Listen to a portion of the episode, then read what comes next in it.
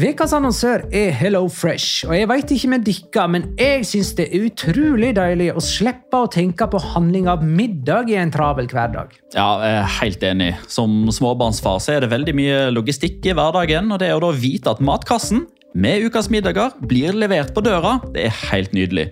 Da slipper du impulskjøp på butikken når blodsukkeret er lavt, og når du kommer hjem, kan du bare ta ut posen med dagens ingredienser fra kjøleskapet og sette i gang matlaginga. Ja, Du kan velge mellom 25 ulike retter hver uke. Og de har faktisk en egen kategori som heter Raskt og enkelt, med masse enkle og gode oppskrifter. Veldig greit å ikke måtte ty til takeaway hver gang det er hektisk på jobb.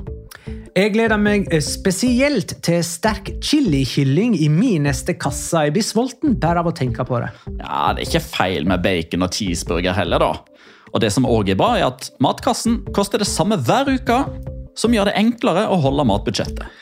Ja, og så blir det ikke matsvinn heller, fordi du får akkurat det du trenger til hver eneste rett. Hello Fresh kan absolutt anbefales, og bruker du koden vår, LIGALOCA, kan du få opptil 1779 kroner i rabatt på de fem første matkastene hvis du ikke har prøvd Hello Fresh tidligere. Du kan også prøve koden hvis du har avslutta abonnementet ditt for tolv måneder siden eller mer. Gå inn på hellofresh.no og bruk koden LIGALOCA. Bon appétit! Hallo? Jeg kommer fra Oslo politikammer. Ine Jansen er purk. Er du purk? The motherfucking bitch. Alt jeg vil, er å finne ut hva som skjedde med mannen min. Jon Carew. Er jeg sikta for noe? Iben Akeli. Det er du. Ole So, Lars Berrum og Big Daddy Karsten. Hvem sin side er du på, egentlig? Anette Hoff, Tone Danielsen, Kommer du fra Afrika? Jørnis Josef, Nesten. Kløfta. Trond Espen Seim. Det er synd å si det, men det var feil mann som døde. Purk. Premiere tirsdag på TV2 Play.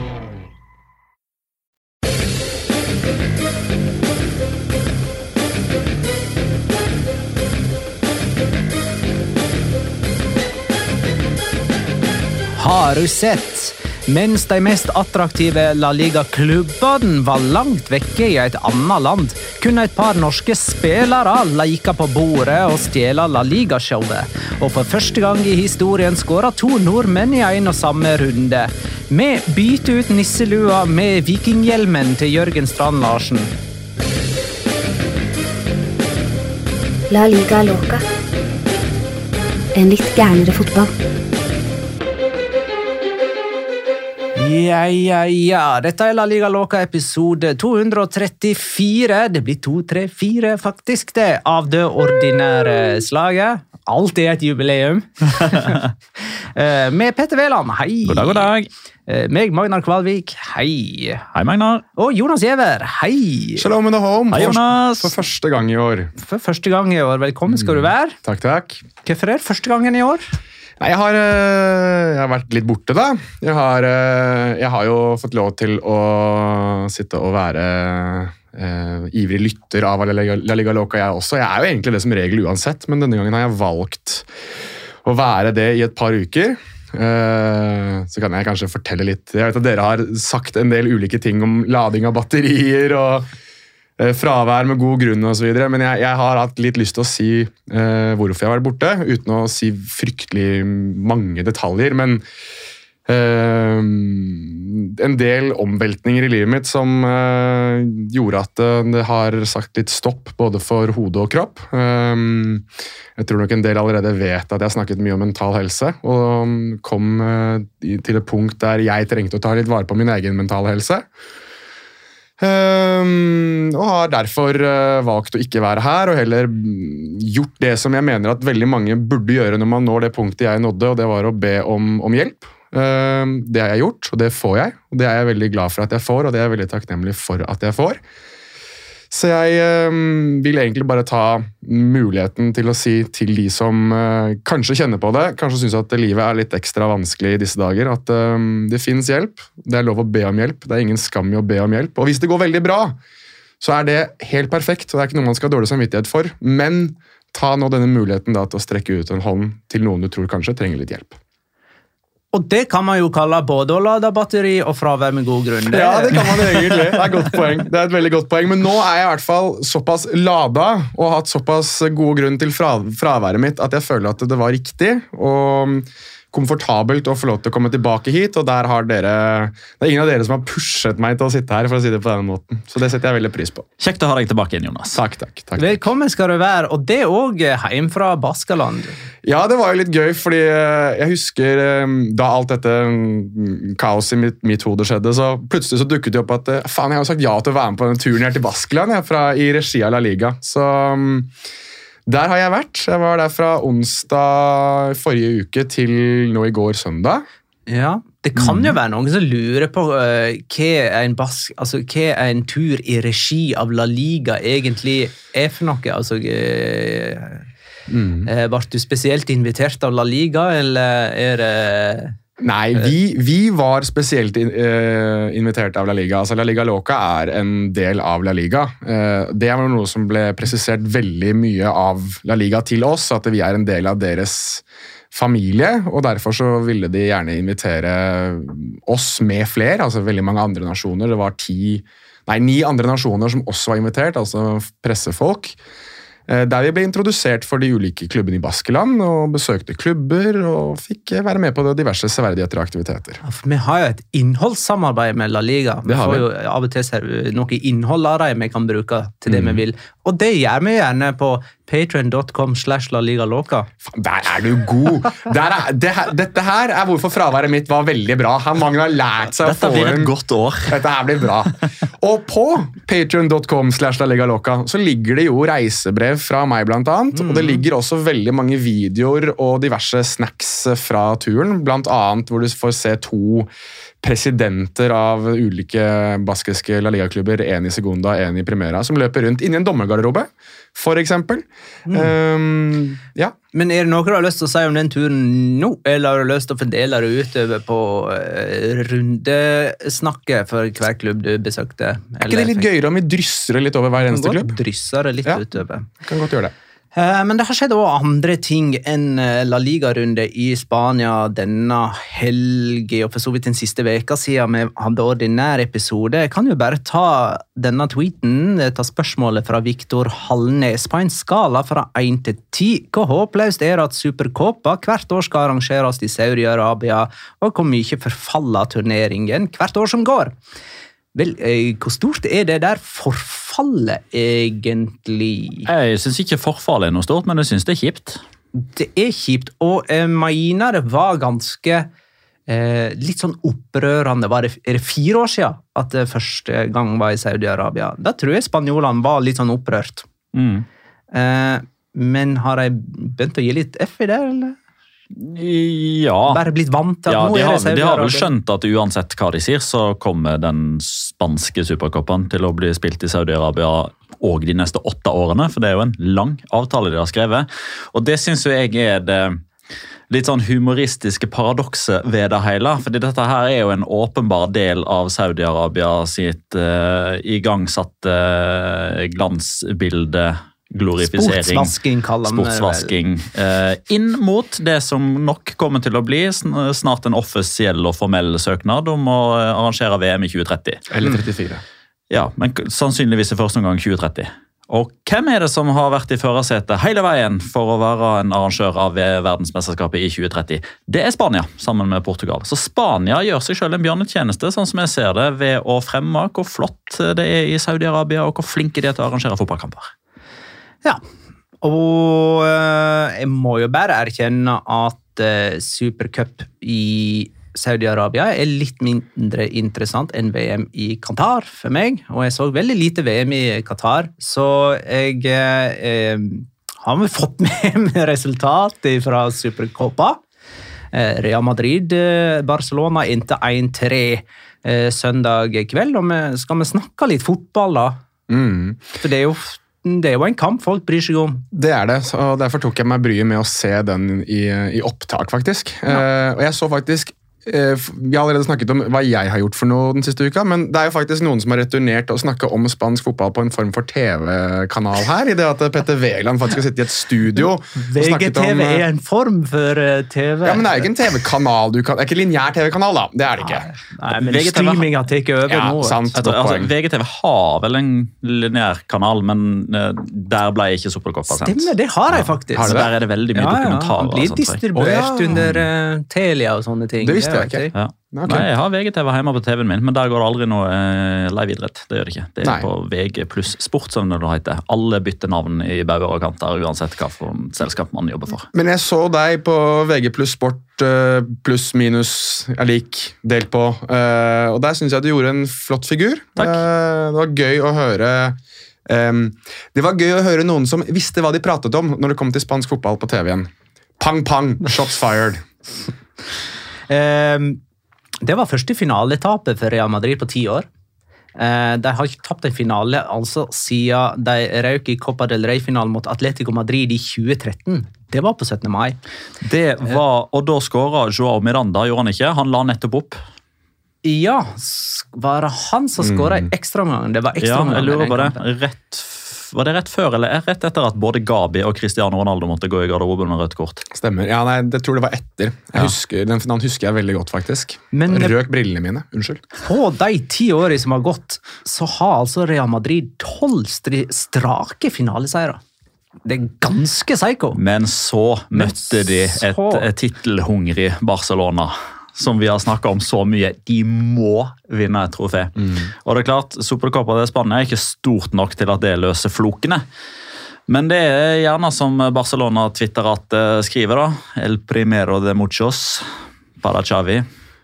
Ja, det spørs, da. Jeg syns jo i hvert fall at de Altså, Jeg, jeg syns det blir veldig åpenbart jeg, da, at eh, det var ingen som hadde lyst til å forsvare på den Real Madrid-midtbanen. Altså, Der var det to eh, midtbaneherremenn, aldrende herremenn, som så ut som aldrende herremenn i det, det oppgjøret her i Modric og Kroos. Og så syns jeg eh, Kamavinga ble løpende veldig imellom. Eh, forsøkte seg på en del eh, raid og forsøkte seg på en del stikker osv.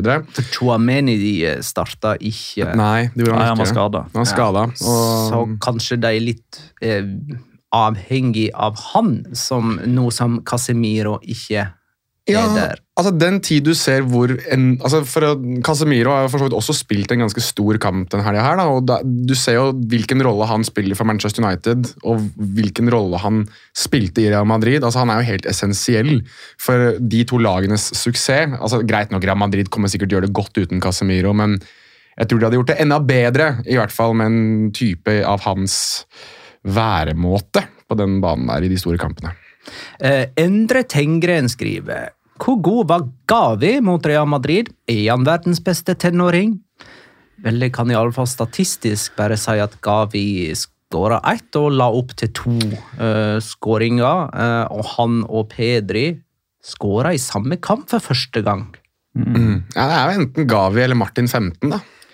Som er verdens beste tenåring. Eh, jo, men han er vel ikke er vel 15 ikke lenger. lenger. That's the ja, joke. ja, ja, ok, greit. Eh, Nå kan alle bare se for seg den der memen med han fyren som står i midten, og så går joken liksom over hodet. Det er meg. Riktig. det er meg. Riktig. Men uh, Bellingham er vel uh, fortsatt tenåring. Ja, men Gavi er bedre. Er Mosiala tenåring? Ja, Gavi, Gavi er best. Han vant, og det, det er ikke noe å bestride. Ja, du Han har har et synlig trofé på det. du tenker en Golden Boy Coppa Trophy, ikke det det heter? Jo, Raymond Coppa Trophy. Jo, jo. Ja, ja, nei, altså jeg, jeg Ja, nei, jeg vanskelig å argumentere mot han i hvert fall.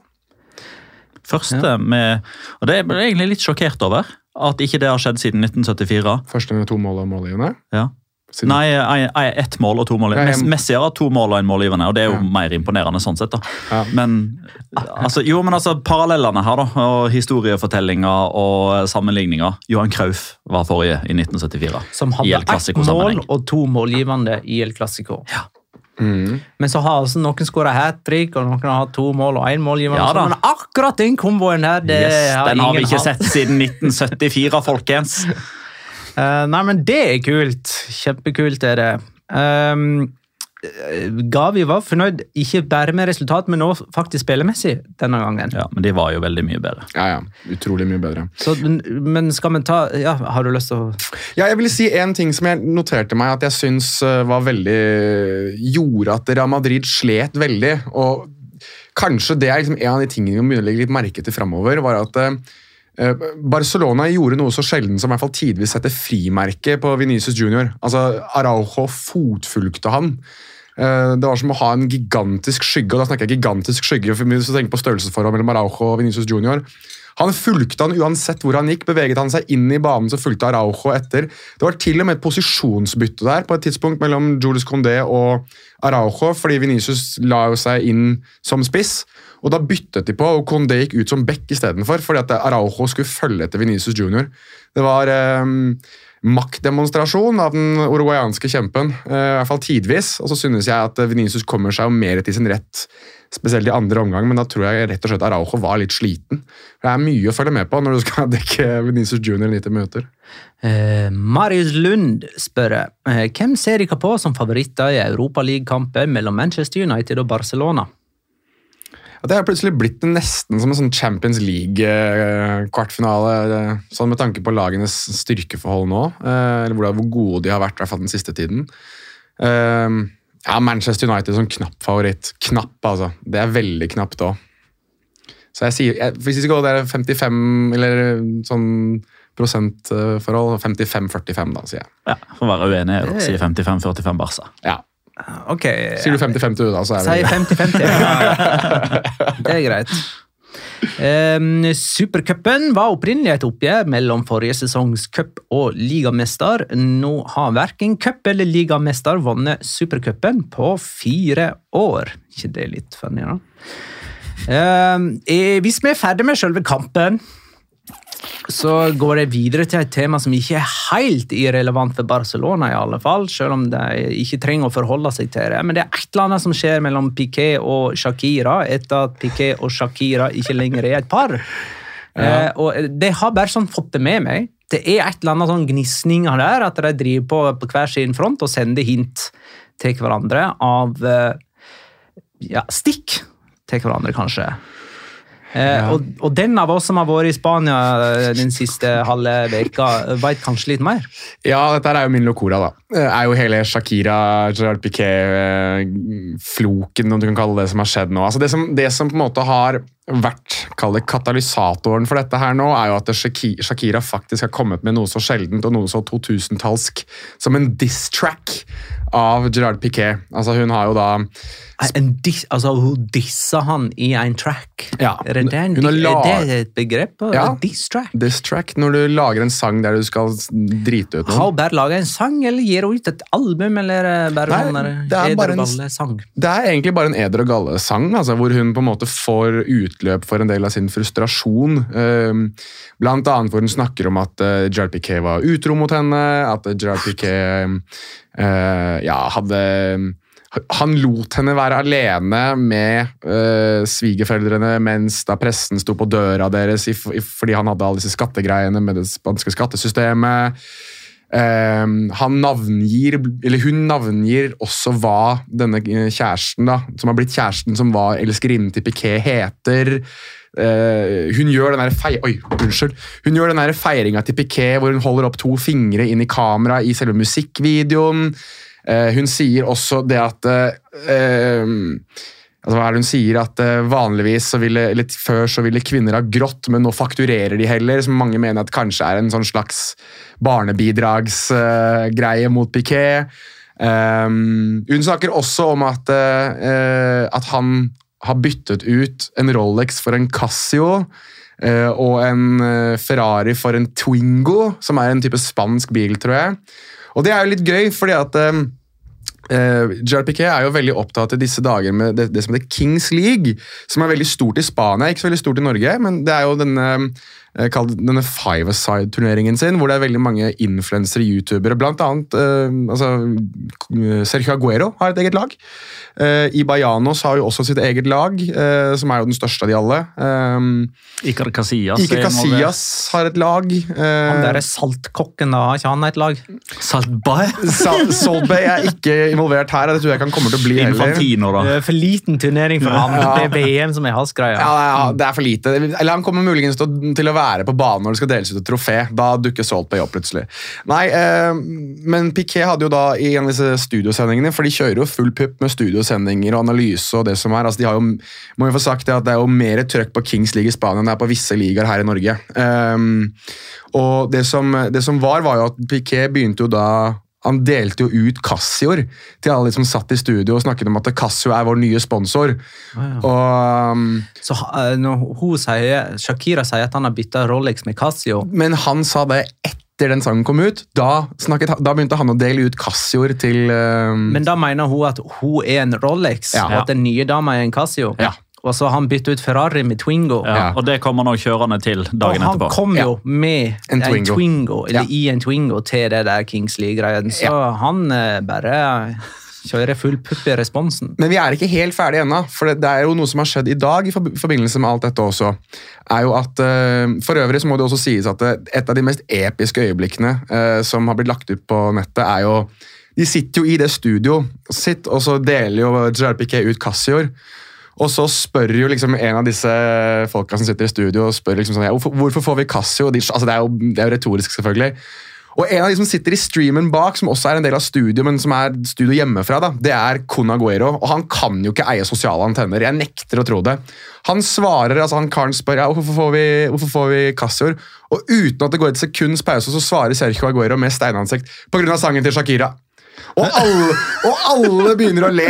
Og Gerard Piquet sitter her og bare sånn Ja, ja, det er jo ikke feil. Eh, Men det som skjedde, og det som var oppfølgingen Nå skal jeg bli ferdig med dette. Casio har jo kommet med en pressemelding i forbindelse med dette. Der de eh, hevder at de har ingen samarbeidsavtale med Gerard Piquet. At de eh, har lagt merke til situasjonen og syns det er hyggelig at Gerard Piquet nevner deres brand, og at eh, også Shakira har nevnt deres brand, men at det er ingen offisielle avtaler noe sted med noen. Ingen Um, offisielle, nei. Nei. For altså, En kyniker som meg kan faktisk tenke at dette er planer fra ende til annen fra begge parter. Det kan godt Eh, være. At det, nå har de fått eh, kjempemidler både fra Twingo og Casio og hele eh, sponsorpakka. Ja, Det er i hvert fall um, en Ja. helt fantastisk pakke, det her. Ja, altså Det er åpenbart at det er mange som har tenkt ganske mye før dette her har skjedd. Det eneste de ikke har tenkt på, er jo stakkars barna som de deler. Ja, det er et godt poeng. Et veldig godt poeng. Eh, Det var, det var din locora. Det. Ja. Men for å si det, grunnen til at det var Locora, er at dette er uh, Dette ble snakket så mye om i Spania. Og i alle mulige TV-program sånn Jeg blir jo sittende oppe og se på talkshows til langt på natt i Spania når jeg er der. Ikke bare El Chiringuito, men andre ting òg. Altså, den sjangen til, den, den sjangen til Shakira uh, den ble, Sjangen til Sakira. Sjangen til Sakira den ble spilt på alle program. Om igjen og om igjen og om igjen. Så du kunne ikke gå et sted uten å høre det eller ha en referanse til den sangen. Så det var um, Men det var jo også mange, Ja. altså eh, Både Kadis og Sasona og Betis kjørte jo òg tweets som var relevante til dette Ja. her med Shakira som står med de to fingrene, og så relaterte de det til et eller annet som hadde skjedd den serierunden. Blant annet at Aymar Oros, som har drakt nummer 22, uh, skåra for Osasona. Ja, riktig. Er vi inne, Går vi i gang da med runde, Gjør runde 17 av La Liga? Eh, Det er vel sånn da at 16 lag har spilt 17 serierunder, og så er det fire som har står på 16. Spør meg om min verden er i vata nå. Dette kan hende du trenger et par uker fri, du òg. nei, men eh, runde 17, kamp for kamp. Jeg bare tar en kjapp uh, oppsummering av det som skjedde. Jeg, uh, det starta fredag kveld med Celta Vigo via Real 1-1, og endelig skåra Jørgen Strand Larsen sitt første La Liga-mål for Celta Vigo. Um, lørdag spilte Valladolid og Rayo Vallecano 0-1. Rayo er per nå bare to poeng bak Champions League-plass, og de er nummer ni på tabellen. Girona Sevilla 2. 1. Sevilla sneik seg over nedrykksstreken etter heimeseier mot Getafe forrige helg, og krøp tilbake under streken nå med halen mellom beina. Eh, Osasona Mallorca 1-0. Osasona er på sjuendeplass, ett poeng bak topp fire. Real Sociedad Athletic Club 3-1. Sørloth skåra og måtte ut med skade. Eh, Real Sociedad er bare tre poeng bak Real Madrid, riktignok med én kamp mer spilt. Getafe Español 1-2. Kanskje ikke den kampen som fikk flest TV-seere, men høydepunktet som ligger på YouTube, bør få en god del eh, klipp. Eh, Eller klikk, heter det kanskje. Almeria Atletico 1-1. Atletico kommer seg ikke ut av uføre. Én seier på de siste seks seriekampene nå. Skal vi begynne med Real Sociedad Atletic, da? Basker Derby, der Jonas satt ringside. Mm. Fortjent seier, da. Veldig fortjent seier, syns jeg. Ehm, ja, jeg må nesten si mer om stemninga til å begynne med. Altså, Derbyet i seg selv er altså, Det er første gang jeg har vært på det derbyet der. og altså, Opptakten til kampen og selve folkefesten, og både på tribunen og utenfor stadion og sånn før kamp, er altså noe av det villeste jeg har vært med på. Det er altså så mye liv. det er, og det er ikke bare, det, Riktignok spilles det det er en DJ utenfor Anueta før kampen starter, og folk er jo i fistel og hopper og synger og danser og drikker. Som er gøy nok i seg selv, det. Men, men det er bare så mye summing og så mye glede. Og så er det veldig moro å se uh, Lareal-fans og Athletic-fans sammen. Altså det, det er jo harmoni hele veien. Ikke noe dårlig stemning, ikke noe jævlig. Og på tribunen så respekterer de hverandre òg. Så det, det var ordentlig gøy. Det var skikkelig, skikkelig moro. Ja, det er jo noen uh, supportere fra Atletic uh, som står blant de mest hardbarka Real Sociedad-supporterne. og Det Mm. pleier å gå greit, det. Ja, De hardeste Atletic-supporterne står jo oppe i hjørnet. Altså, De har jo en sin egen De har en borteseksjon. Ja, det har de faktisk. Det Eh, visste jeg ikke til å begynne med. Å nei. Nei, med, Jeg og Petter jo, var jo faktisk på et basketderby på gamle Sandnes. Disse to har jo fått nye eller, altså Real Sociedad har shina Anueta, og uh, Sandnes har fått uh, eller Atleti har jo fått ny stadion. Eh, og da også var det en sånn borteseksjon. Eh, og så sto de og hylla hverandre etter kampen, faktisk. Eh, så sånn driver de nå på. Eh, Rent historisk så har jo Atletic et overtak på eh, Real Sociedad. Hvordan er det? De har 77 seire mot eh, Real Sociedad sine 58, men akkurat nå så virker maktbalansen å være på andre sida. Alguacil har vel ikke tapt eller Real Sociedad har vel ikke tapt noen av de sju siste Basker-derbyene, tror jeg. De vant cupfinalen her eh, for ja, snart to år siden. De er nummer tre i La Liga, sju strake seire. Eh, altså Ting flyter noe voldsomt i San Sebastian. Og en annen ting som jeg la merke til i forbindelse med research jeg gjorde til en annen podkast jeg var i tidligere i dag, Premier League-podkasten til Viaplay. Altså Det er tre spanske trenere i Premier League. Alle, alle har vært innom Real Sociedad. Unai Emery er født i San Sebastian. Eller han er født i Hondaribia, da, som er flyplassen til San Sebastian. Miquel Arteta er født i San Sebastian og har spilt for Real Sociedad. Jonan Lopetegi er født i Antigua, som ligger fire mil utenfor eh, San Sebastian. Mm. Så det er liksom, Hvis du er sportsjournalist, fotballjournalist i San Sebastian nå, da har du mye å skrive om. For å si det sånn, dette her var noe som en, Vi var jo så heldige å få lov til å sitte og høre på Roberto Olave, sportsdirektøren til Real Sociedad. Dette er noe han tar opp veldig mye, hvordan de ikke bare eh, flasker opp spillere, men også trenere som forstår den type fotball og det type etos som det er å være fra Gipuzkoa, altså ikke bare baskisk, men fra selve Gipuzkoa-området, som er der San Sebastian ligger. Det er noe de er veldig stolte over. Og veldig stolte da over disse tre som Petter nevner. Han, han nevnte spesifikt de tre. Det var én til og Xabi Alonso kan man jo ta med, som er i Bayer Leverkusen. ja, Han slang på han nå, så var det en eller annen som trener i Bolivar i, i Bolivia. Juan Malillo. Nei, det er ikke han. Det er en eller annen som er der, som jeg tror er assistenttrener eller noe, som også har vært i systemet. Altså, De er i hvert fall veldig stolte av alle trenerne sine, va.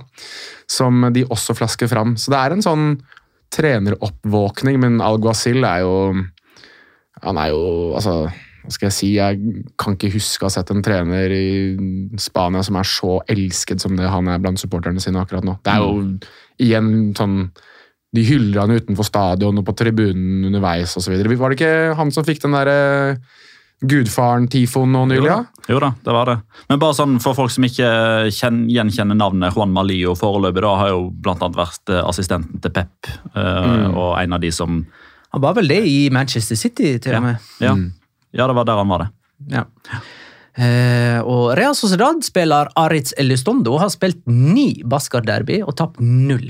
Eh, så er den er ganske sterk, og det sier vel kanskje litt om det moderne maktforholdet mellom disse to. Eh, men Alexander Sørloth har funnet formen nå, da, med skåring i alle tre seriekamper etter VM-pausen. Og eh, i den siste kampen før VM-pausen òg, så han har jo fire, altså skåring i fire strake seriekamper, da, selv om det føles noe lenger siden den første der. da. Mm. Men fin form på han. Hyllest. Han, han tok en æresrunde han han gikk ut. Uh, måtte ut. Han gikk fra kan du si, omtrent midtbanestreken på den ene sida av banen, og helt rundt benken på den andre sida. Eh, med stående ovasjoner og greier. Ja, han er elska. Fytte rakkeren som han er elska av eh, supporterne. Det er jo, Du hører jo Sølot, Sølot Når han går av banen fra publikum, og han applauderer jo altså Han er så elska der. Det var jo en sånn I forkant av kampen så Jeg var jo på treninga på Sovjet- Sovjeta før, altså, dagen før kamp, eller var det to dager før kamp? Dagen før. var dagen før. Da var han ikke på trening. Og da var det jo full eh, alarm, og jeg hadde i hvert fall to eller tre journalister som teksta meg og spurte om jeg visste noe. Jeg vet at du er i Spania, vis, vet du noe hva som skjer med Alexander Sørloth? Jeg hadde ikke sjekket det, men eh, de, altså det, jeg var helt i fistel over at sånn, Er han klar? Kommer han til å spille? Uh, og da han sto på startoppstillingen, så var det i hvert fall i den sonen vi var, så var det sånn kollektivt sånn Over at han uh, faktisk starta. Men den skaden han fikk nå, da? Jeg visste ikke noe alvorlig skade. Nei, Han er i troppen til morgendagens Copa del Rey-kamp mot uh, Mallorca. Ja, ja, da er jo det i orden. Hvorfor fikk han gult kort? Sutring. Sa han noe til dommer?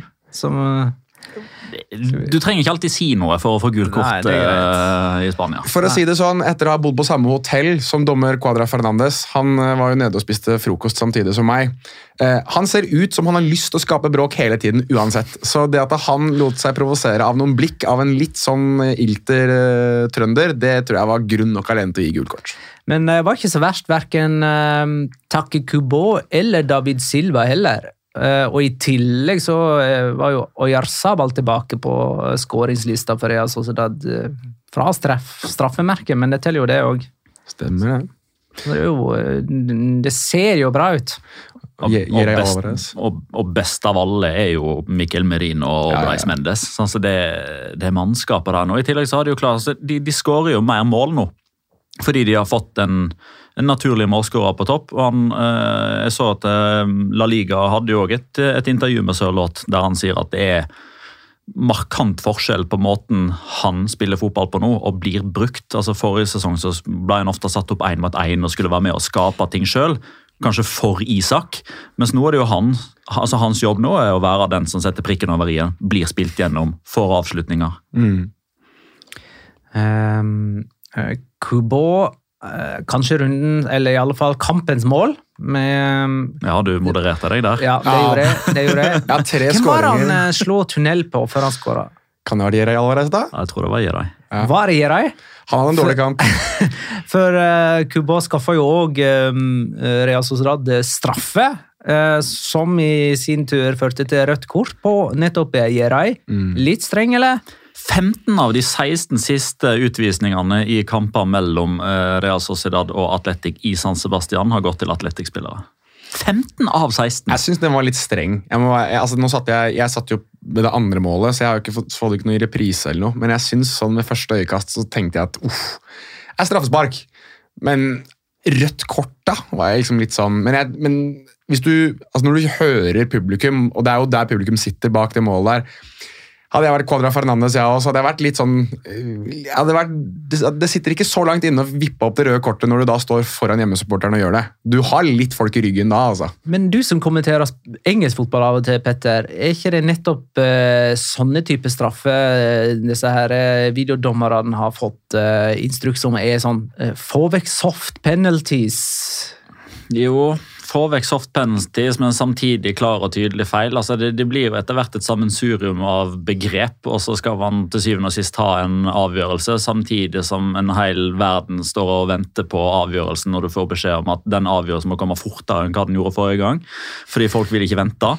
Så det er, altså, Noen kommer alltid til å reagere uansett eh, hva man lander på. Jeg synes ikke det er, altså Selvfølgelig kjipt for Jedi at han får den trippelstraffen. altså egentlig, altså Straff imot, utvisning imot, suspendert i neste kamp. Det ble scoring på straffespark, hun tapte kampen. altså Han så ikke happy ut der han gikk i garderoben. Ja, fly forbanna, og det var eh, Det kan jeg også si, for det ser jo ikke dere som ser det på TV, men vi satt jo nesten ved siden av Athletic-benken.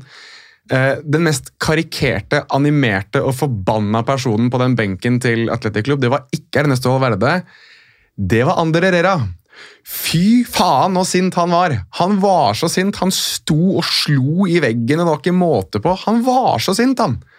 På alt som skjedde gjennom hele kampen. Og jeg husker at det var han ene han, Til og med da han ene som jeg var med fra India, filma jo benken en del. Og da ser du innimellom altså André Lera snudde seg mot han og stirra han inn i kamera. liksom. Han var bare så sint og stoppa ikke å stirre. Nei, Det var helt enormt. Enormt å se. Eh, har vi en rundens spillernominasjon fra denne kampen? Ja, jeg, jeg tenker Siden du snakket om vikinghjelm og nisselue og det som var i introen så altså det blir ikke, Når man er norsk og er i Spania, og du ser en nordmann skåre i sin fjerde strake La Liga-kamp, som da den andre nordmannen noensinne etter Jon Carew, og hylles av banen og ja. Og også endelig sikret meg at jeg traff litt på tippinga for denne runden her, med første målskårer. Um, så blir det Alexander Sørloth. Og jeg har vel egentlig sagt nok om hvorfor, men jeg kan legge til en liten ting på slutten her. Vi, altså vi reiste jo med La Liga, og La Liga vil jo veldig gjerne at uh, De syns jo det er gøy at det, når det liksom er noen fra vår nasjon som gjør noe, så vil de jo gjerne at vi skal liksom prøve å markere det litt. da. Så jeg fikk liksom Sørloth gikk jo forbi der vi satt, og vi satt jo på andre rad. Uh, og Da fikk jeg beskjed men du må jo rope til ham, da. du må liksom prøve å få oppmerksomhet og liksom si noe til ham på norsk. Så jeg, altså, altså Det enkleste i verden, liksom sånn derre 'Jævlig bra jobba, Alex!' Hører du fra meg, da. Og han, Hvis du ser på uh, sendinga en gang til, så ser du at han snur seg og gir en tommel opp og blunker til en på tribunen, og det er meg som sitter og får det blunket og den tommelen opp. Og Da var de så kry, de fra La Liga, at uh, han faktisk anerkjente han idioten som satt på tribunen. Som var meg. Litt kry, du òg. Jeg synes det var litt morsomt at han faktisk hørte meg, for det var kjempemye lyd. Uh, Så jeg, At jeg har så bærende stemme, det visste jeg ikke. Dette, dette lukter sit down med Alexander Sørloth neste landslagssamling. Det gjør jo det. Jeg kan vel strengt tatt si at eh, Real Sociedad er i hvert fall på tilbudssiden hvis vi ønsker det. Nå har jeg sagt det til og med i podkast. Det samme gjelder for øvrig Jimmy Avlen. Ja, eh, Atletic Klubb de har bare to seire på sine siste ti seriekamper. De hadde jo en fin sesongstart, som eh, ikke er så fin lenger, men nå er det jo ikke en sesongstart eh, lenger heller. De møter Español i Copa del Rey onsdag, eh, og har de i La Liga eh, Real Madrid på besøk til eh, helga. Eh, vi hopper videre til han andre norske som skåra for Celta Vigo mot Villarreal. I den kampen så skåra jo først eh, Gerard Moreno. Eh, Og for en scoring! eh, rundens touch, kanskje? For en scoring. Ja, det er, det er min eh, sånn Altså, det er Ok, det er tre andre skåringer som vi kanskje sikkert kan snakke om. Men jeg, sånne scoringer får meg litt sånn klam i hakket, holdt jeg på å si. Altså, da, det, den touchen ned, og så Var neste ikke du ganske klam i hakket de to første dagene av den turen din? Å, fytte rakka meg, jeg var klam, da. Var, jeg hadde jo mista bagasjen, så jeg gikk jo Det var gøy, det var gøy det, å være der svett og jævlig på både Samames og på El Sadar, og det sikkert lukte våt hund. Det var, eh, det var gøy. Eh, Men eh, jeg ble ekstra klam da jeg så skåringa til Gerard Moreno. Den syns jeg var helt enorm. Men, eh, og Gerard Moreno han spilte vel hele kampen. Eh, Jørgen Strand Larsen spilte 25 minutter og ble kåra til banens beste av TV-sendingen. Og av Selta. Og av Selta, selvfølgelig, men de kåra jo han alltid til deres beste. Akkurat det. Ja, det er ofte. Men, ja, det, hva, hva, hva hva sitter Jago Aspas og tenker om det, egentlig? Ja, eh, han, st- igjen så starta jo for øvrig ikke Strand Larsen. Det er andre kamp, seriekamp på rad han er benka fra start. Men nå starter han neste gang. Ja. Vi får se på det, da. Abrahamsen eh, lurer på om det er lov å håpe på ketsjupflaskeeffekt. Ja. Eh, og, og spør hvor mange mål skåra pleier Larsen nå. Jeg har et eh, oppriktig håp og ikke minst tro. For dette, Vi har jo sagt dette hele veien at når den skåringa først kommer, så tror vi at det løsner. og Det er jo på grunn av at han kommer til målsjanser i hver eneste kamp. og Det at han ikke skåra før 13.1, er jo egentlig et mirakel. Eh, Det har vært så mange gode involveringer. Han har vært eh, godt integrert i laget. Startet, han hadde vel elleve kamper på rad fra start, tror jeg, før han ble benka mot Elche. Og så var han òg benka mot Viadial, og det var òg Gonzalo Paciencia. Hadde vært litt mer sånn småbekymra hvis Paciencia hadde fått to på rad, men han ble bytta ut i pausen mot Elche da Strand Larsen kom inn. Og så valgte de en sånn hybridvariant med Gabri Veiga og Jago Aspas på topp og tre eh, sentrale midtbanespillere og fembackslinjer. Men når den første nå kommer, så har jeg et oppriktig håp om at skuldrene blir senka. Tenker litt mer muligheter istedenfor konsekvenser. Tenker at nå kommer snart nummer to istedenfor å vente på nummer én. For, for å skyte inn der, altså, Jeg snakket jo med Dan Atle Grønn, som, var, som har trent Jørgen Stein Larsen siden han var 12-13-14. Og Han sa det, jeg har sagt det hele veien, at når den første kommer, da kommer han ikke til å slutte å score. Han må bare ha den første. Han må få den, kjenne den effekten av å score. Så han har i hvert fall, hvis det hvis det blir flere skåringer på Playa nå, så kan vi eh, holdt på å si, bøye oss i støvet for Dan Atle Grønns nostradamusiske Men, eh, men skal vi eh, tippe? Ja, vi må jo det. Uh, skal vi se. Nå Hadde, det... tippa ikke første sesongen? Jo, vi gjorde det. Gjorde vi det? Jeg kan ikke Ja. huske det. Jeg husker vi tok opp uh, handelen, altså da han ble kjøpt. Det var i en Patrion-episode. Ja. Uh, Det er jo 21 seriekamper igjen for Celta Vigo sin del. Jørgen Strand Larsen og Alexander Sørloth når begge to sifra. Strand Larsen stopper på ti. Ti Ja, på jeg har skikkelig trua på en god vår. Ja. Ja, du, har, du har jo varslet at du skal til Vigo, du, så Ja. Um, mm, mm, mm. Ja, jeg tror uh, vår venn Playa ender på Jeg tror han får, ender på åtte skåringer. Men jeg tror han kommer til å ende på ganske mange målgivende. Han har vel allerede én, har han ikke det? Så jeg tipper han får syv til. Jeg. Så jeg, jeg tror han går for åtte-åtte. Altså åtte mål og åtte målgivende. Jeg sier fire. Jeg har ikke helt tro på den uh, ketsjup-effekten, men at han kommer til å spille bra videre. Jeg håper du tar eh, feil. Jeg òg! um, skal vi se Er det noe jeg har lyst til å si om denne kampen? Nei. Nei. Eh, Jeg vil bare spørre litt eh, om eh, Danjuma, eh, Ja. som kan være på vei til Premier League, eller? Ja, det hadde vært ganske naturlig, det. Eh, han ble jo henta fra Bournemouth når de uh, herja nede i championship. Så han har nok lyst til å gi det et nytt forsøk der. Lyktes jo ikke første gangen han, eh, han var der. Har nok alltid hatt et ønske om å returnere. Han var god forrige sesong, ble toppskårer, men den høsten her nå har vært under par både skademessig og når han har spilt, så har han ikke levert. Han hadde jo den, den andre bomme på åpent mål-varianten. Eh, han har noen straffeskåringer. Han, han, han har ikke vært dårlig, det har han ikke, men han har ikke klart å, eh, å holde det gående sånn som han gjorde forrige sesong. og Villarreal de har jo allerede solgt Rødane Moroli. Eh, kommer sannsynligvis også til å selge Danjuma, som gjør at de eh, kan hente inn en erstatter begge steder. og Det har ikke kommet så veldig mange rykter om hvem som skal inn der framme, i så fall. Der handler det egentlig bare først om å holde Unai Emeri og Julian Lopetegi fra fatet, for de ser jo veldig mot eh, Spania og Villarreal når de skal forsterke i Aston Villa og Wolverhampton. Så Samuel Chukwese blant annet er visst veldig ettertrakta.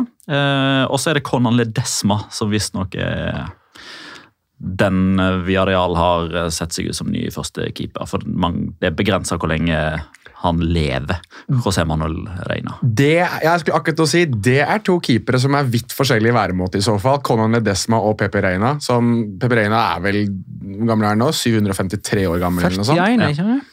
Ja, nei, ja ok. Ja.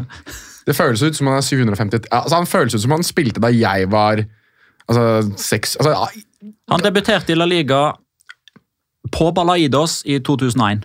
Om han satt på benken, eller om han hadde vært backup til, nei, til uh, Andonis Ubosaretta i VM i 1998, så hadde jeg trodd på deg. Altså, det, er, det er sånn, liksom. Han har vært der så lenge nå. Men jeg kan jo nevne da at denne rekka til Villarreal med bom på åpen mål eh, har stoppa. Eh, for det var ingen som bomma på åpen mål i kampen mot Celta Vigo.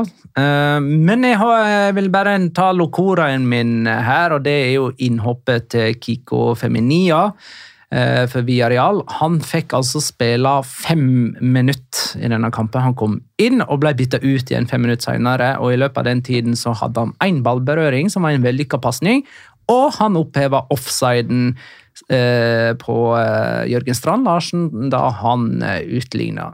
Eh, og så har jeg eh, hørt i ettertid at eh, Feminia hadde en skade, eller han fikk iallfall en kjenning. Ja. Eh, og han ble ikke bytta ut for at han var dårlig, eller for at han oppheva den offsiden, men ei trasig innhopp var det jo likevel. Det var faktisk så kort at kommentator ikke fikk med seg at han ble bytta ut. Så kort var innhoppet hans. Ja. Faktisk. Vi hopper videre til Kan jeg få lov til å skyte inn en ting? Du må vel det? Må er det. Din, de greia. Det er min greie. Syns bare det var greit, og du har for så vidt nevnt det, men det er greit at vi bare loggfører at første, for første gang i historien så har to nordmenn skåret i samme serierunde i La Liga. Ja. Med Jørgen Strand Larsen, som for øvrig er prinsen av Østfold, ifølge Celta Vigo sin uh, Twitter-konto. Det var litt moro, faktisk. Og Alexander Sørloth, som da er the king of the north, kongen av nord. Så den har jo både kongen av nord og prinsen av Østfold, som har utfoldet seg i La Liga denne serierunden her. Og så uansett hva for en klubb en nordmann spiller for, så er de veldig opptatt av den der øen. Altså, altså Ødegård øh, og S- Sørloth har jo øen i seg. Det har jo Jørgen. Selta har jo nå bare kalt han for Gølgen. Ja, det, det må jeg... er det for noe? Altså Gol, Golgen, Gølgen. Ah, ja. ja, men da kaller de den vel Golgen, da, for at de har jo ennå ikke forstått at Ø uttales Ø. Nei, det har de ikke. Er det Men de- Så hvis de lager en vits, er det Gølgen-humor da? Ja, den var god. Den var god. Uansett, jeg vil bare, ettersom vi er inne på det med Ø, så kan jeg også skyte inn. Bare for å skyte inn dette også. Jeg sto jo i eh, altså, Når vi så spillerne komme på, mm, på Anueta, så sto jeg jo med Christina Paulos og mm, Anne Sture fra TV 2. Eh, Anne Sture har jo åpenbart en Ø i sitt navn. Det klarte de å skrive på den der, eh, det kortet hennes, altså den beviset hennes, eller eh, akkrediteringen. Akkreditering. Men æ, som undertegnede har, det klarer de ikke! Så det, var, det lo vi litt av. Men, eh, men Jørgen Strand Larsen uh, sprang jo bort til fansen og feira den skåringen sin. Og Da var det en supporter som klarte å sette en vikinghjelm på hodet hans, og det var ikke Rune Tribune. For de som trodde det. Nei, han er jo i håndball-VM nå. Han er i håndball-VM med jo- ei bjelle rundt halsen, helt sikkert. Det var jo Bruno Tribuno. Den var bedre, Jonas! Eh, Da hoppa vi til Sevillas eh, Entefadese. De tapte borte mot Girona etter å ha ledet 1-0. Nianzou eh, skåra for Sevilla først. Eh, Så utligna Stuani for Girona, og så dreit Nianzou seg ut. Og forærte Jangel Herrera nok en sein eh, og viktig skåring for eh, Girona. Um, Sevilla har 15 poeng etter 17 seriekamper. Eh, De to lagene som er bak dem på tabellen i talende stund, det er Cádiz og Elche. De møtes jo uh, senere i kveld. Så. Cádiz kan altså ha gått forbi Sevilla på tabellen eh, når folk hører dette. Og dermed ligger Sevilla i så fall helt sist. Nest Og- sist.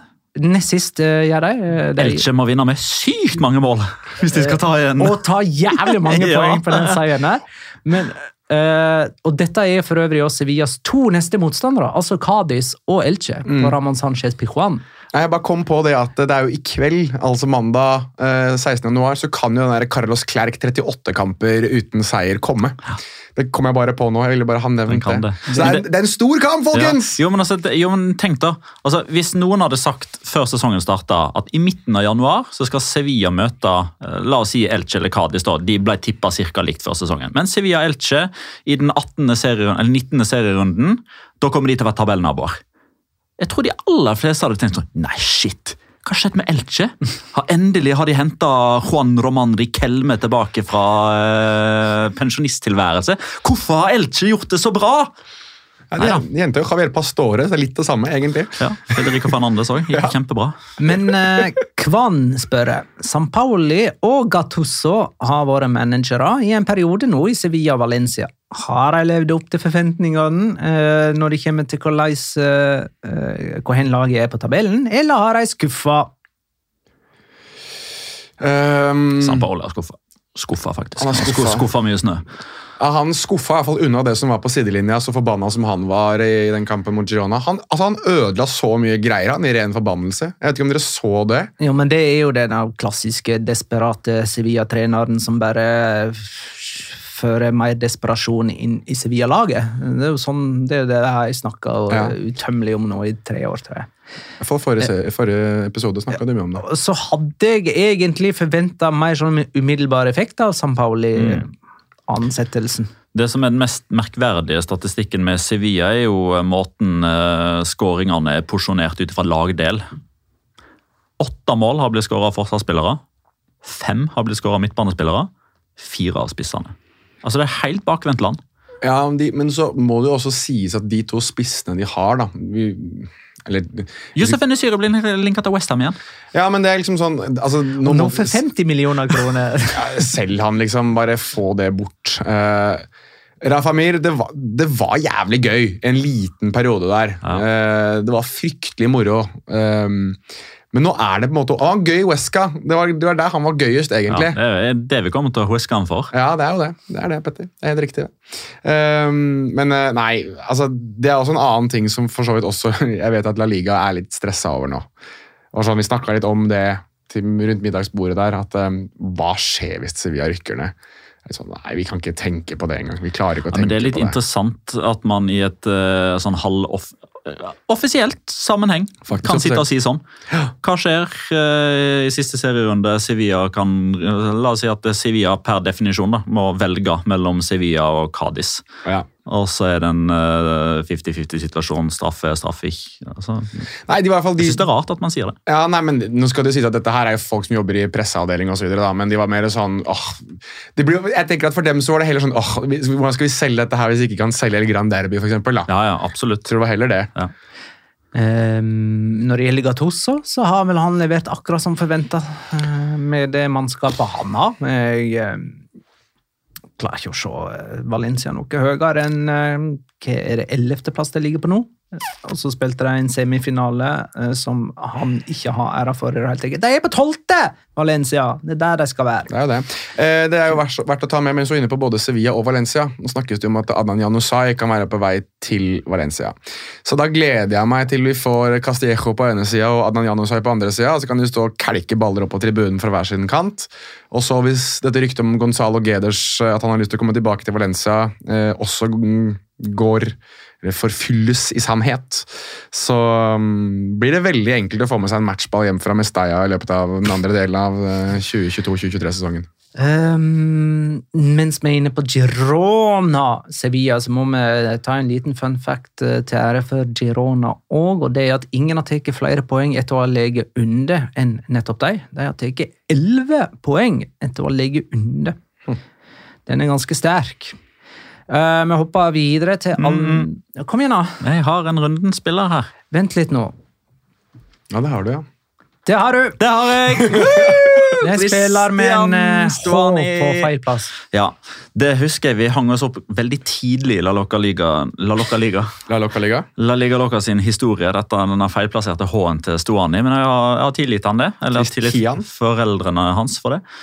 Ehm, altså, Han gir seg bare aldri, han. Og Det er egentlig bare en konstatering av uh, Christian Stuani og hans målappetitt som aldri gir seg. Ehm, vi har, altså, Gorka Goroseta har jo blitt nevnt fordi han hadde den ene sjuke kampen som gjør at hans statistikk er litt sånn Den er litt oppblåst, eventuelt nedtona. Altså, han skårer mål hvert 67. minutt han spiller i La Liga denne sesongen. Men så er det verdensstjerner etter verdensstjerner, type Robert Lewandowski og Karim Benzema, og så kommer Christian Stuani. Som altså skårer mål hvert 106. minutt. Han er tidenes toppskårer for Girona i eh, La Liga-sammenheng. Han ble med ned. Folk trodde han skulle tilbake til Uruguay, folk trodde han skulle legge opp, men nei da, han skyter de opp igjen. Og blir altså da en av to målskårere mot, eh, mot Sevilla. Og sørger for at Girona nå, for første gang i deres La Liga-historie, har sju kamper på rad uten tap. Ja, det var en fin fact òg. Eh, Almeria Atletico Madrid endte altså 1-1. Det var Angel Correa som skåra for Atletic H. Han erstatta jo Jao Felix i startelveren, men han burde hatt minst ett til. Eh, og Morata burde òg ha skåra for eh, Atletico Madrid. Um, har den der teorien din, Petter, om at uh, dette er siste sesongen til Simione, fått enda mm, sterke heter bein å stå på? Ja, De har i alle fall fått flere argumenter. for det er 28 poeng etter 17 serierunder. Det er det laveste noen gang under Simione. Så de facto de er dårligere enn noensinne under hans ledelse. Det, det går uh, feil vei. Det er ikke, nå, begynner jeg å tro at det er ikke mer sitron igjen i den Simione-saften. Eller det er ikke mer saft igjen i Simione-sitronen. Først La Liga, Locca Det er mandag. Det er, blå, det er blåmandag i dag. Ja. Men nå lånte de ut til Sjau Felix eh, til Chelsea, der han skal liksom vise hvor god han er. da. Eh, under friere tøyler, liksom. Eh, og så fikk han altså rødt kort. Jeg vet ikke hvor lenge han spilte. For det 58 minutter. 58 minutter. Men så inn på blåmandag så er det sikkert noen som har det i dag. Men en interessant statistikk jeg ikke var klar over, det var at Chau Felix bare fikk 12 90 minutter før Atletico Madrid. Og så har han vært sånn uh, kjempelett bytte å ta av mm. eh, hvis han starta. Ja, men det var jo det, Vi snakket vel om det i, tidlig i hans Atletico Madrid-karriere. At det var veldig sånn er det sånn innkjøringsperiode, at man blir vant med å løpe mer og vant med at han skal være mer defensivt orientert enn det han har vært i Benfica osv. Det var jo en sånn løpende greie vi hadde diskutert. i hvert fall. Selv om han spilte godt, så ble han alltid tatt av fordi ja, nå må han liksom slipes inn i dette maskineriet. da. Uh, og Det har han jo aldri blitt. Så jeg går tilbake til det det er sagt om Joao Felix, at han er jo altså han er verdens kuleste, flotteste, mest behagelige sofa som bare har blitt plassert på badet. Det er det som han har vært i Atletico Madrid. Men jeg har jo hørt deres eh, takes på dette uh, i min, mitt fravær, og jeg er veldig enig i det taket med at jeg tror at det her er Simiones siste sesong i Atletico Madrid. Uh, og det tror jeg ble veldig mye tydeligere med Petter poengterte vel det, at Joe Felix signerte en forlengelse med ett år. Det var ikke en lang forlenging, det var bare ett år. Som er åpenbart at den sesongen her, den driter vi litt i, sånn Joao Felix-messig. Og så kan du få lov til å komme tilbake og starte på nytt når Simione ikke lenger er der. Virker som de driter i sesongen generelt, egentlig. De har én seier på de siste seks eh, seriekampene, og den seieren kom mot bunnlaget Elche. Eh, hvordan er det med Memphis Depay? Nei, Han er jo visstnok ferdig spilt, da. Det I Barcelona. Absolutt alle skriver jo at Chavi Xavi har ikke noe tillit til han og kommer ikke til å gi han minutter heller. Nei, men han er linka til Atletico. Men hvordan ser det ut? Nei, Det er vel mer Inter nå. Det var Atletico Madrid. Ja, kom Mens vi satt der, så har Fabrice Romano tweeta noe om det. Om at han har snakket eksklusivt. Skal vi se. Uh, men jeg bare forter meg litt her. Mens jeg skriver det, så skriver han at Mukhtar Jakabi har forlenget kontrakten sin med Valencia. så det var jo gode nyheter. Uh, Memphis Depais advokat Sebastian Ledur har sagt at det er ingen forhandlinger pågående for Memphis Depay til Inter. Dette kan jeg avvise. Det, eh, det, er ikke en mulighet vi diskuterer. Så det er vel heller snakk om Atletico Madrid, tror jeg. Det var i hvert fall diskutert at men der ble det sagt at de ikke, Barcelona vil ikke. Altså det var kanskje snakk om at Carasco skulle gå andre veien for at man liksom skulle ja, Igjen da, en sånn der variant der man uh, mjuker opp budsjettene i stedet for å bare bruke Ja, for det var snakk om at de skulle bytte med Memphis til Inter mot Brozovic. Ja, Men det virker jo ikke som om det Kanskje de diskuterer det seg mellom klubbene, da, så har kanskje ikke Memphis og Brozovic blitt involvert riktig ennå. Jeg vet ikke. Uansett. det det gjenstår å se, men at Memphis skal ut av Barcelona, det er vel bare på tide. Eh, som jeg sa, så burde Korea ha skåra flere, og Morata, Morata burde også ha skåra for Atletico mot eh, Almeria. En av grunnene til at de ikke gjorde det, var Almeria-keeper Fernando Martinez, som jeg vil nominere til rundens spiller. Han var faktisk skikkelig god. Hadde et par strålende redninger. Så der var min nominasjon på plass. Kan jeg også få Jeg syns det er greit å ha nevnt, siden jeg ikke har vært her på en stund. Eh, vi må bare, vi må bare gratulere Antoine Griezmann med, med verdensrekord i rosa hår. Mm. Verdensrekord i rosa hår. Nå har han til og med barbert eh, litt sånn sidecut på ved ørene sine, så det bare skal bli enda tydeligere at han har rosa rosa hår. Og det, og det ser man så tydelig når de spiller i svart også. Det, det håret der, det er, ikke, det er ikke nyanse som ikke er rosa. Nei, eh, gratulerer til han med det. Ja. Eh, vi hopper videre til Valladolid Rayo Vallecano, som endte 0-1. Og som sagt så er altså Rayo bare to poeng bak eh, Champions League-plass, selv om de ligger midt på tabellen. Um, Easy Palazon skåra i åpent spill etter å ha bomma på straffe tidligere i eh, kampen. og I den forbindelse må vi jo nevne at Valladolid-keeper Jordi Masip, som redda straffen fra Easy Palazon, han er første keeper denne sesongen som redda tre straffespark. Han har totalt redda sju av 24 straffespark i La Liga som Valladolid-keeper. Sterkt. Ja, da har vi sånn Diego Alves-aktig statistikk. Sergio Herrera-aktig statistikk. Eh, Ikke at han har redda så mange av dem, men han har i hvert fall stått i mål. Han har jo faktisk også, ja, Han får jo all ære han for at folk bommer på straffe.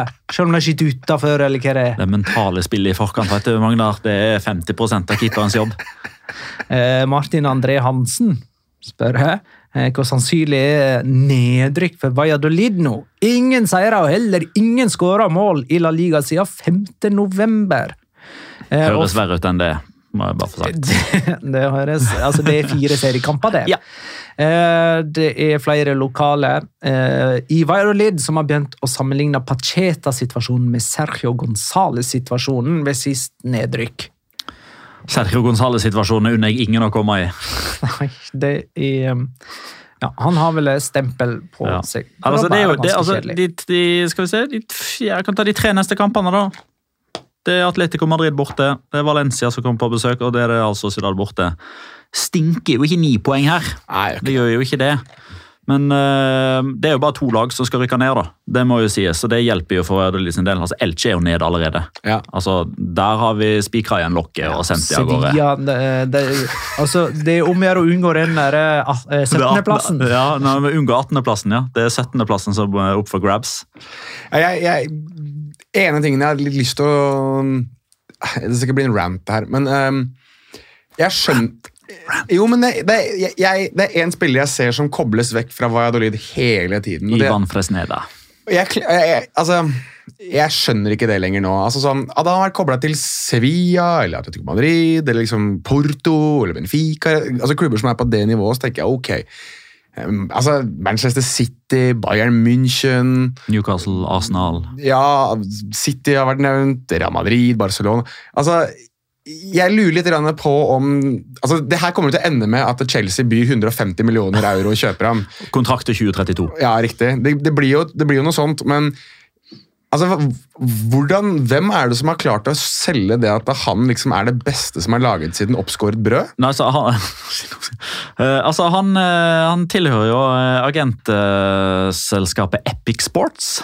Ja, Det er jævlig epic hvordan de markedsfører han i så fall. Altså, Han er jo god! Bevares, han er god. Bare la oss ta det kjapt. Han er en god fotballspiller, men han er Ja. ikke så god at det hele verden skal spise ut av hendene hans. altså. Nei, men altså, de, har, altså, de fikk jo da Amazon Royal eh, til å sant, Ok. eh, Kanskje Fair enough. Ja, Fair enough. de er jo åpenbart gode da, til å få de få klientene de har, til å få litt oppløst verdi og komme til klubber de kanskje ikke hørte hjemme i. Men en kamp jeg vil anbefale til runden som kommer, det er Rayo Vallecano mot Real Sociedad Mm. På Vallecas. Den tror jeg kan bli gøy.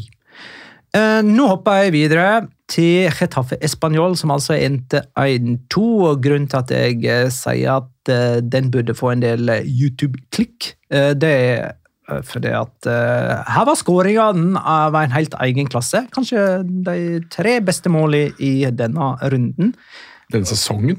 Uh, ja, skal vi dra det så langt? Ikke langt. To, to av de er langt oppe Ja. i form av liksom momentum. og ja, altså, Bare for å ta det, da. altså Dette her skjer jo veldig tidlig i kampen òg. Det, det er første gang siden 2014 at begge lag skårer i løpet av de første ti minuttene av, av en La Liga-kamp. Mm.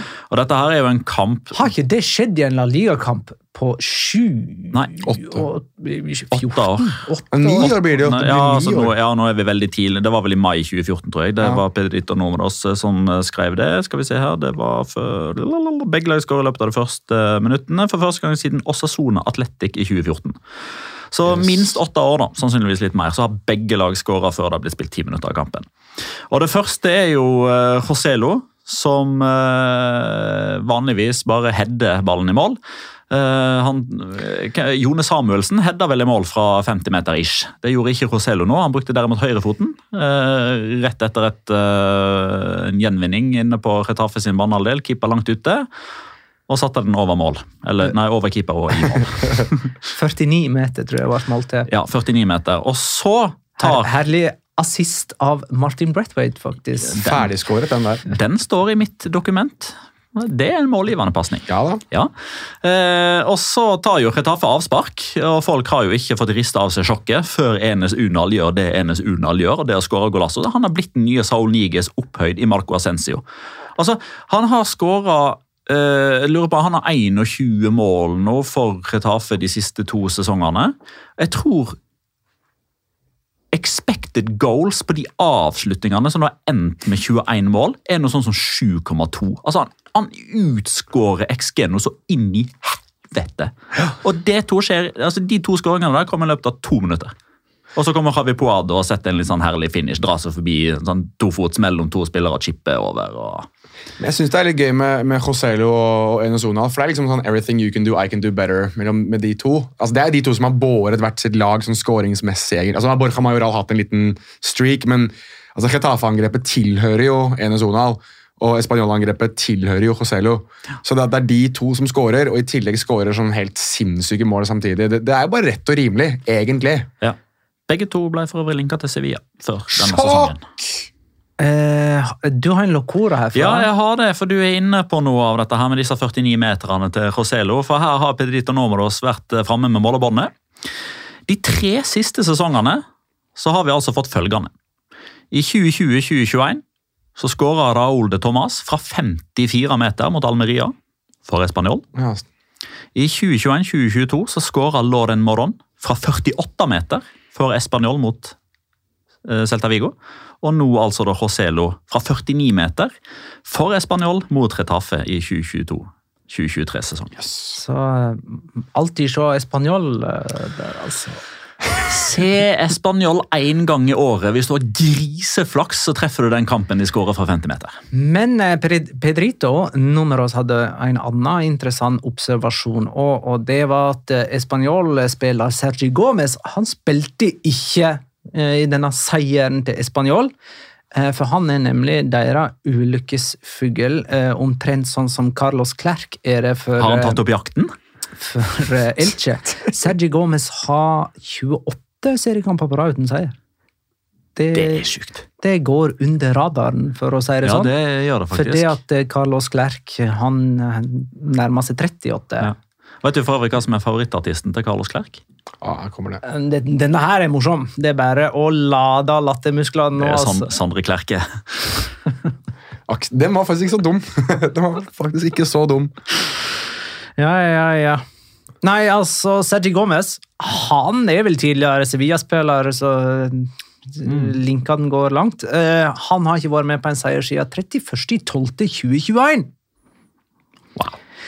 All right. eh, vi skal på siste kamp som vi har fått sett denne runden. Det er Osasona Mallorca, eh, som endte 1-0 på El Sadar. Eh, Osasona holdt nullen, og nei, det var ikke Sergio Herrera som sto i mål. Det var Eitor Fernandes, selvfølgelig. Og dette er beste Osasona-sesong. Etter 17 serierunder, da, siden 05-06. Eh, Da ble de nummer fire, og hvem var trener da for deg? Jo, selvfølgelig. Nåværende Mallorca-trener Javier Aguirre. Det er riktig. Er ikke det litt sånn at den der fjerdeplassen eh, kan nå gå til et lag som ikke er bortskjemte med Champions League-fotball. Det kan fort det. Svake som eh, Atletico er. Og Sevilla. Og Sevilla. Ja, det, altså, du kan jo ligge på niendeplass nå og være tett inn på fjerdeplassen. Og, og, altså, eh, De vi forventa skulle være der, Atletico og Sevilla, er ikke der. Eller er det, kanskje Atletico som Atletico har er fjerdeplassen akkurat nå. Men eh, altså, Villarreal er jo heller ikke der, og de ville jo på en måte ha vært det neste Uh, Den neste vante Champions League-klubben. Men nå har altså Real Sociedad, uh, du har Real Betis med i kampen, Også Sona er med i kampen. Det er faktisk Atletico, selv om jeg har gitt dem opp. Kan jeg få lov til å skyte inn noe angående Osasona som klubb? Hvis ikke, Ja, gjør det. Hvis ikke du skal innom kampen eller hvis Petter Ta det kjapt, da. Vi er langt på overtid Ja, allerede. jeg skal prøve. Jeg vil bare um, Det er veldig mange som stiller oss spørsmål om ja, hvilket lag burde jeg begynne å heie på hvis jeg skal få meg et lag i, i La Liga. Um, vi fikk mye spørsmål om det helt i starten, husker jeg, da vi begynte med La Liga Loca. Og jeg vil slå et slag for Osasona. Uh, etter å ha blitt litt bedre kjent med dem, uh, og hvorfor de er som de er. Altså, Osasona er jo Når jeg har vært på El Sadar, og folk er veldig sånn tribune og hvordan er det å være på spanske kamper og sånn. Altså, det ble jo kåret til verdens beste verdens beste fotballstadion i 2021. Og de har, en, de har en av sidene som er altså så enormt bratt. Det er, de har liksom laget noe som de kaller for den røde vegg, altså etter den gule vegg i, i Dortmund. Det er den kortsida som er på høyre side av TV-skjermen. ikke sant? Yes, riktig. Den er stup bratt. Altså, den er stu jeg, jeg, jeg har høydeskrekk, og jeg fikk høydeskrekk da jeg sto på toppen. Det er faktisk helt jævlig å stå der oppe. Så dit skal jeg aldri stå igjen. Ehm, men eh, du har poengtert Petter, at en av de tingene du liker veldig godt med Osasona, er at hver gang de kjøper eller selger en spiller, så legger de ut nøyaktig hvor mye penger de bruker, og nøyaktig hvor mye penger de får inn for salg og kjøp. Det gjør de med vilje, fordi de rett og slett ikke ønsker å holde det vekke fra supporterne sine. De vil at supporterne skal vite nøyaktig eh, hvor mye penger de bruker og hvor mye penger de får, slik at de kan plassere hver eneste euro uansett hva som skjer. Fordi i 2014 så var jo de eh, gjenstand for en ganske stor matchfiksingskandale, der tidligere presidentskap ble tatt for å fikse kamper og økonomisk underslag, og det, det var en fullstendig krise som de anser som liksom anus horribilis i Anus horribilis. Det er det? Heter det det? Eh, Jo, det blir sånn. Anus horribilis? Ja, uansett. Anus. Anus horribilis. Det var i hvert fall et anusår for dem, for å si det på den måten. Eh, Men Luis Sabalsa, som da ble valgt inn som ny president, han eh, hadde som mantra at han skulle bygge opp klubben på nytt igjen, og det skulle gjøre med supporterne. De er jo da, sammen med Atletic, Barcelona og Real Madrid, de eneste klubben som er eid 100% av medlemmene. Altså at presidenten eier like mye som alle de andre medlemmene. Så det er jo en klubb som ligner litt på dem, men åpenbart mye mindre. Um, men de er også en klubb som da uh, ubønnhørlig skal være ærlige med hvordan de gjør alt økonomisk etter at supporterne ble holdt for narr av da tidligere presidentskap. Så hvis du vil ha en klubb som virkelig snakker om ærlighet, virkelig snakker om det å være transparente, snakker om å involvere supporterne i alt de gjør, så er Osasona klubben, eh, klubben for deg. Og så er det i Pamplona, som er en ganske kul by, da, med San Fermin og mm, altså, okseløp og en historisk Okseløp er ikke så kult, syns jeg. Skal jeg Nei, jeg, være ærlig på det? Matkastinga er vel litt gøyere. Hæ? Ja, ja sånn tomat. ja det er moro! Ja, men, de er, men, de er, jo en veldig historisk spansk by, da. så det er jo ikke en by som du drar til. Det er, liksom, det er ikke å dra til Castellón, sånn som Petter tydeligvis syns er dritgøy, for han er Real-supporter. En kjapp ting siden klokka 18. 22. For 22 var et sentralt nummer her. Dette tar jeg fra La Liga en eh, direkte om. Eh, og du viser to tegn, eh, sånn som Shakira gjorde. Og det er helt riktig, det har en relevans til det. Fordi Osasona og Mallorca, dette var kamp nummer 67 mellom disse to lagene. og De foregående 66 hadde endt med 22 seire til Osasona, 22 seire til Mallorca og 22 uavgjorte kamper. Forrige gang disse lagene møttes, var 22 mai. Det toner vi litt ned. Mai det er ikke så relevant. I 2022. Da vant Mallorca med to mål. Spiller nummer 22, Angel Rodriguez, skåra. Dette her ble som sagt presisert av La Liga en direkte som igjen ble kjørt en sånn retweet med sitat av Osasona, med Shakira som da står 2, 2 og, og 22.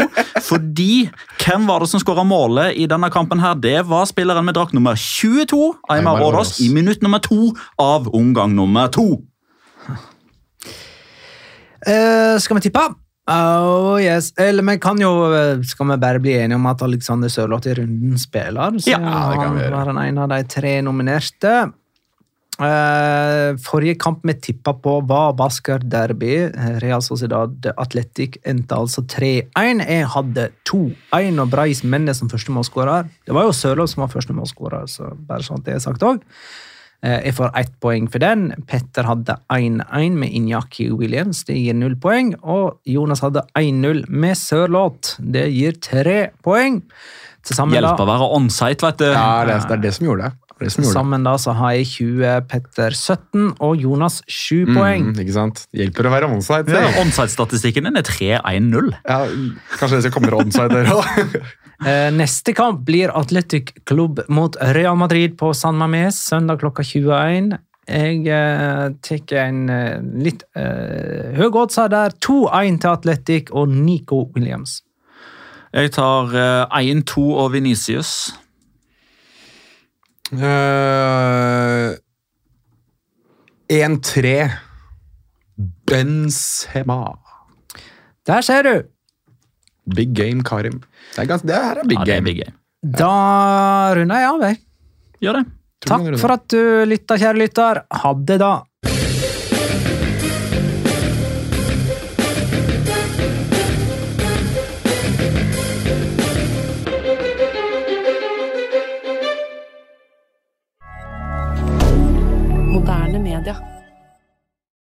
Har du et enkeltpersonforetak eller en liten bedrift? Da er du sikkert lei av å høre meg snakke om hvor enkelt det er med kvitteringer og bilag i fiken, så vi eh, gir oss her, vi.